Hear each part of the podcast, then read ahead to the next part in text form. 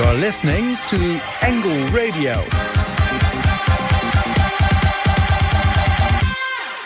Hello, Amsterdam. You're listening to Angle Radio. My name is Jet Beers, and I'm here together today with Evelina Koop. Hi, Evelina. How are you doing? Hi, I'm doing good. I'm uh, having a really busy week, so I'm a little stressed, but otherwise, I'm fine. How are you? Yeah, same, same.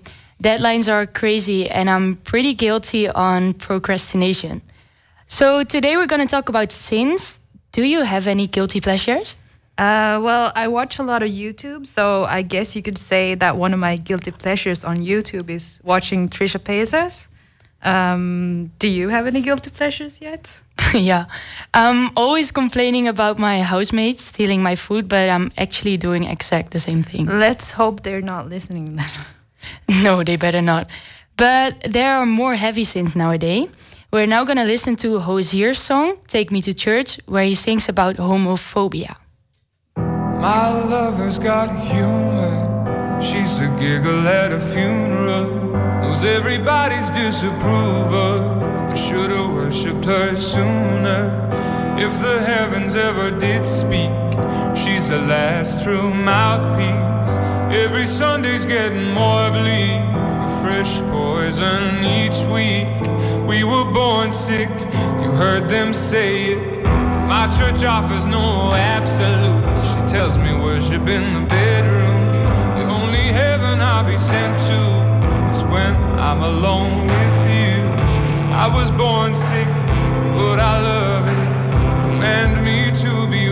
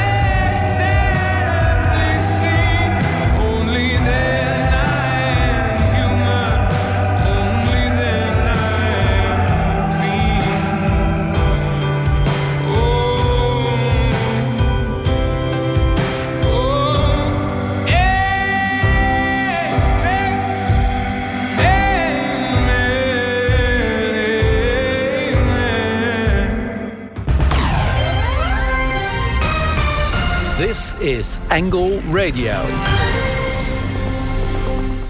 That was Hozier with Take Me to Church. Now let's talk about what happened in the world this week. On Tuesday, the US had its midterm elections after Trump's first two years as a president. Results were Democrats won majority in the House, but the Sen- Senate stayed in the hands of the Republicans. During the press conference at the White House yesterday, CNN reporter Jim Acosta had a clash with Trump. Acosta asked Trump a question about the role of immigrants in the midterm elections, which Trump didn't want to respond. The mic of the reporter got taken away by a young man, and Trump called Acosta a rude and horrible person. Acosta is now banned from the White House. Evelina, are you a Trump fan? No, I can't really say that I am. I mean, even his grab her by the pussy comment alone makes me dislike him. I think it was pretty unbelievable that he still got elected as president. Yeah, I can't wrap my head around it either. But let's change the subject. What else is on the news? Uh, well, on Saturday, Ariana Grande surprisingly released a breakup song called Thank You Next. And in the song, she sings about bo- both her ex boyfriend Mac Miller, that died in September, and about her fiance that she split up from about a month ago. And I'm happy that she seems to be doing good in the song, but as a fan of Pete Davidson, I'm pretty sad that she split from him. But have you heard the song yet? No, I haven't heard it yet. Um, so after we listen to Ariana's song soon, we're gonna talk to our first guest, Nina Muller, about a research she did on micro cheating. So let's listen to Thank You Next now.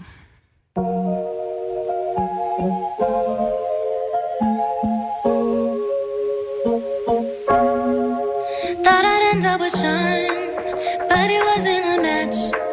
Wrote some songs about Ricky, now I listen and laugh. Even almost got married, and for Pete I'm so thankful.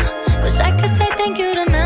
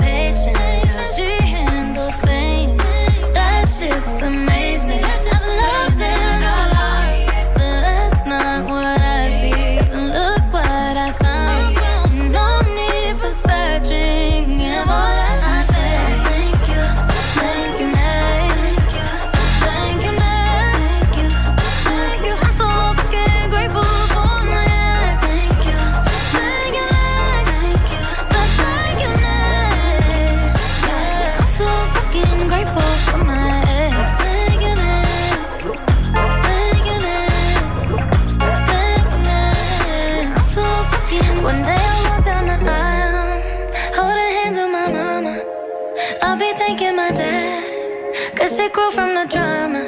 Only wanna do it once real bad, go make that shit last. God forbid something happens, at least this song is a smash.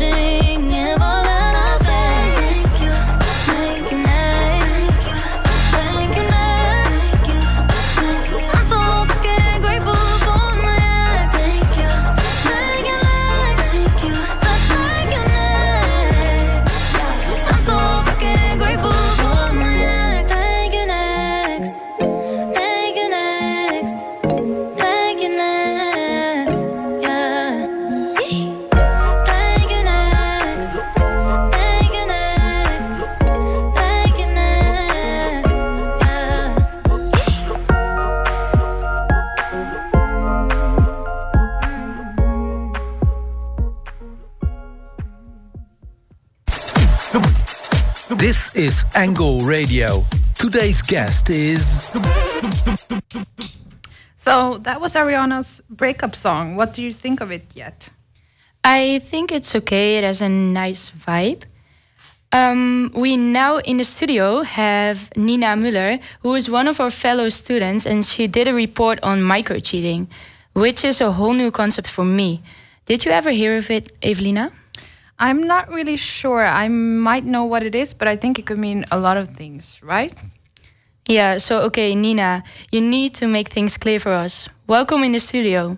Tell us Hi. more, please. So, micro cheating sounds like a whole new thing, but actually, it's been around for hundreds of years, um, probably since humanity existed, and it has only now gotten a name. And it's basically um, just describing those kind of small acts you do in a relationship that border somewhat on cheating, aren't really cheating yet, but you kind of feel guilty about them. So it's only the term that's new. Yeah, I would say so because um, like every it, it exists in in every relationship that sometimes people do things that they don't mean like in a betrayal way, but the partner gets somewhat jealous and then it becomes maybe a bigger problem than it is. But usually with good communication, um, you can avoid micro cheating if you say so.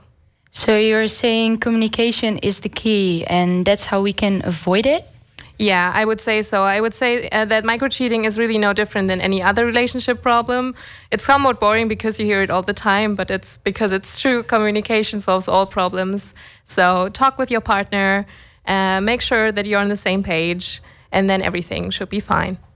Uh, did you talk to some couples? Did you hear any interesting stories? Yeah, um, it was really funny. Um, I talked to one girl, and she told me that um, a couple months into her relationship, the, um, she went to a party with her boyfriend, and he saw an old um, girlfriend. Like they were never together, but um, he saw a girl that he hasn't seen in a long time, and he was so happy to see her. And they talked a lot, and that made her kind of jealous, and it actually became a big fight. But afterwards, they talked it. Uh, they talked it out, and everything was fine. And they've been together for many years afterwards.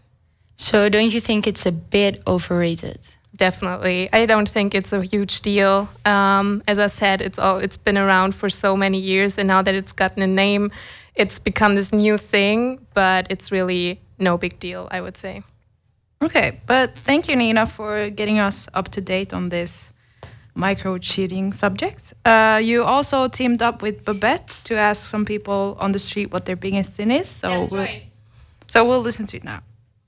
So, have you ever done a sin, or are you sinful at the moment? Uh, I have threw a plastic bottle on the ground without putting it in the, uh, the trash can. Ah, my sin was actually it was back when I was in high school. I did some theft at a store. I didn't want to pay for the clothes; they were too expensive, so I stole. And what did you steal exactly?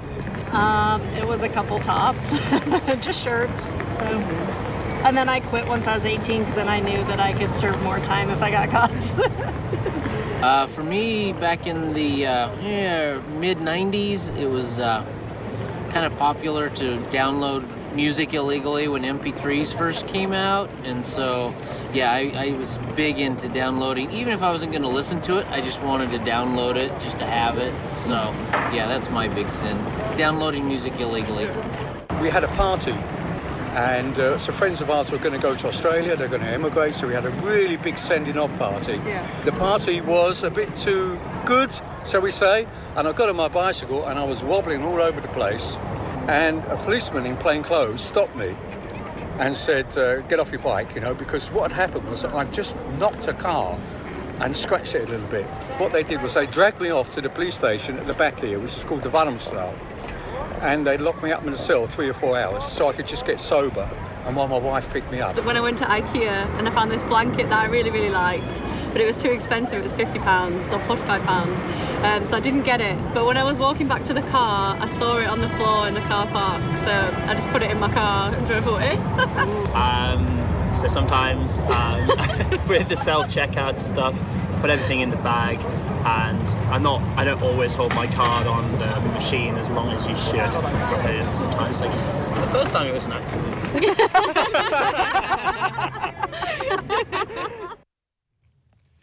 We have another guest on the phone as we speak.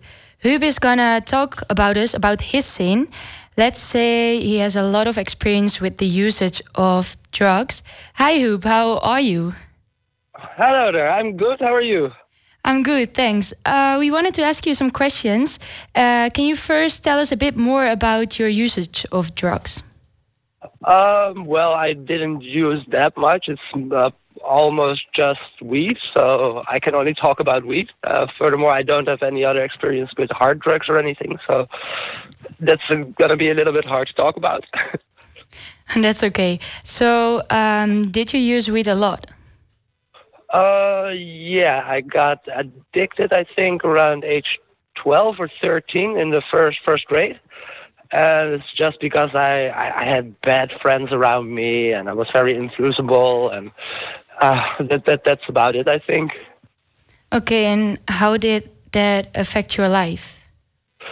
Um, well, first of all, it affected my grades a lot at school, so I had to um, uh, I had to skip uh, school to get, of course, and uh, yeah, but my, my grades started going downhill and downhill. Okay. Um, and then what made you decide to stop? Um, well, after a couple of years, the, the, the fun was just over it, and uh, of course the money. It's uh, it's a lot of it's a lot of money. After a while, you just realize you you aren't getting any further in life with with addictions, and yeah, it, it, it's hard to quit, but it's necessary, I think. And did you quit completely? Do you never use any weed anymore? Uh, sometimes, but just more uh, recreationally with some friends. Sometimes, not not too often.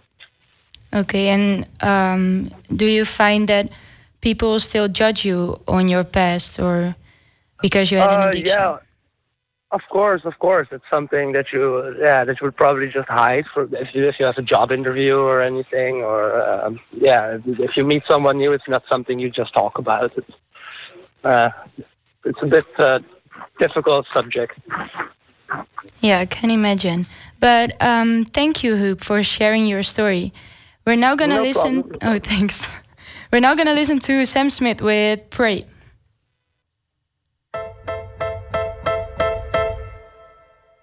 They never knew my struggle, rose above the rubble. Rather live inside they bubble than go through the trouble of having they double double vision corrected. They just neglected and I've been thinking lately, will the devil take me or will God protect me? I know I ain't perfect, but you should respect me. They don't want me happy, they don't wanna let me live. I'm young and I'm foolish. I made bad decisions. I block out the news, turn my back on religion.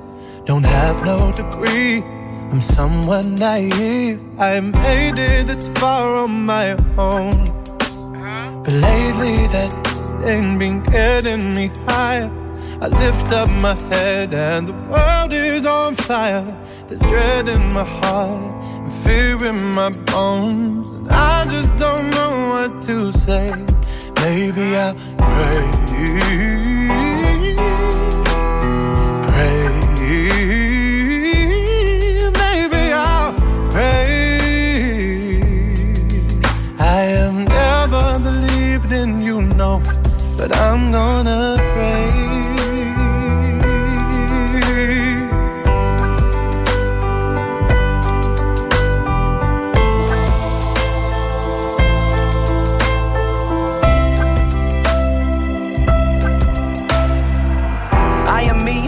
I'm a man, I'm a sinner, but understand, aren't we all? So when it comes to passing judgments, I don't think that you're the one to make the call. Heaven wanna cast me out for being me. I know there's others like me there to break the fall.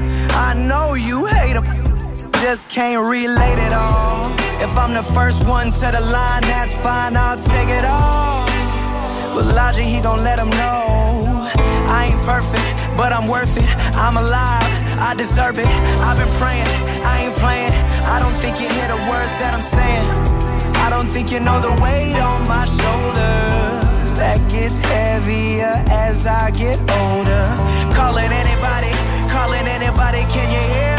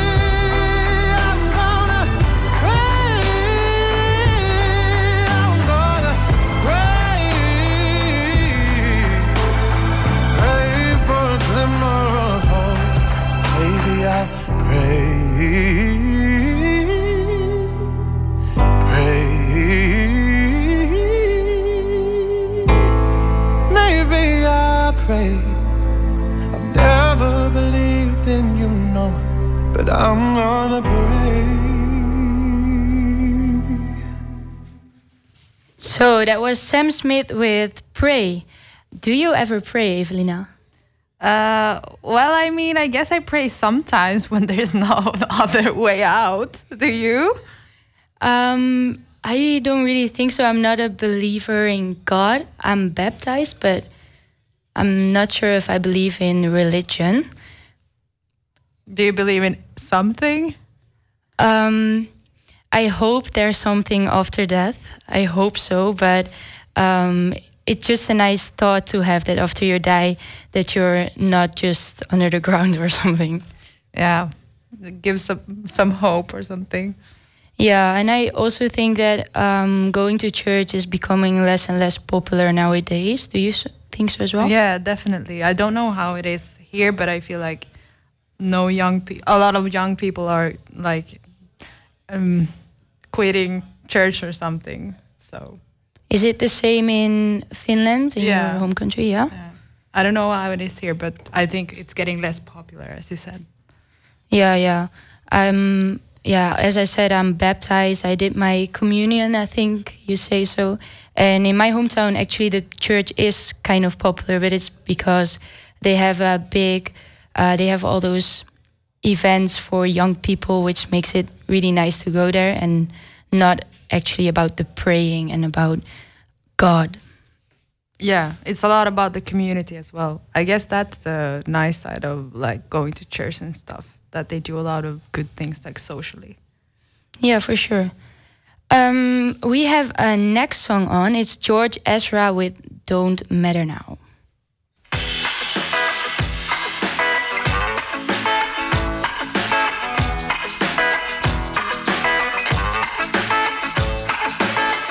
Sometimes you need to be alone. It don't matter now. Shut the door, unplug the phone. It don't matter now. Speaking a language they don't know. It don't matter Well, I don't think about that stuff. No, I don't think about that stuff. It don't matter now.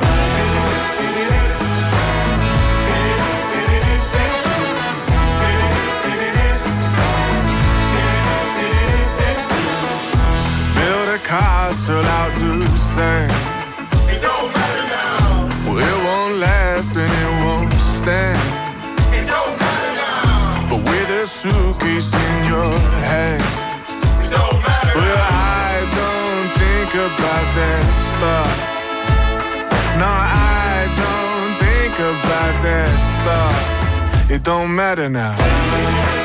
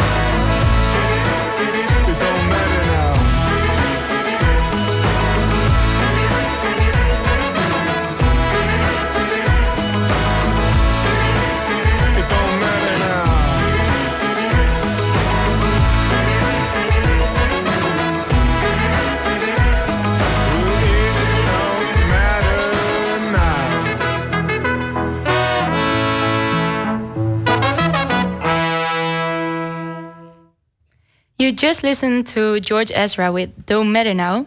And we have our next guest in the studio, Sam van der Loo, a reporter for the International Angle. And he is really excited today, aren't you, Sam? Yes, yes, I am very excited.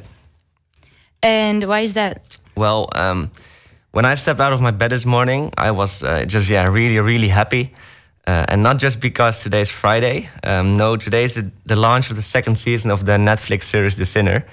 Uh, and I bet you've heard about it. And if not, then I just made your weekend plans because this series is from another level. That actually sounds really good. What can you tell us about the series? Uh, well, obviously, I've only seen the first season so far, um, but I immediately fell in love with the series. Um, season one has a very high, sh like shock level, uh, in which executive producer and wife of Justin Timberlake, uh, Jessica Biel, plays the lead character. Um, she plays the role of Cora Tinetti, who is happily married with Mason. Uh, and on a nice day, they decide to go to the lake with their son. Um, but when Cora is peeling a pear for her baby boy, she gets uh, like really annoyed by the loud music uh, of the people around her. And from out of nothing, she just loses her mind and kills the guy who's ne uh, sitting next uh, to her. And from that moment, she's just drained on her blood, um, leaving her husband and young son in total bewilderment. Uh, and the question is from that moment on not what happened, but why it happened. Uh, and that question ensures that you don't want to stop watching after each episode. So I understand that you binged watched the whole thing. Is that right? Uh, yes, I, I can deny that. And it's exactly what I'm going to do this weekend. Uh, season two is about a 13 year old boy, Julian, who apparently kills his own parents for God knows why. So that sounds pretty interesting again. Yeah, I think we know what a weekend plan is. Um, I'm excited to watch. I understood you also had an application for a song. Yeah, yeah, and not just a regular song. Um, it's a song I was talking about earlier, the one where Cora loses her mind about. Uh, and it's called Hugging and Kissing from Big Black Delta. Uh, I don't want this radio show to contain any spoilers, so I, all I can say is that this song plays a huge role in the first season. Sounds interesting. Thank you, Sam. And everybody, thanks for listening. Hopefully, you'll be there next week as well. Here is Hugging and Kissing from Big Black Delta.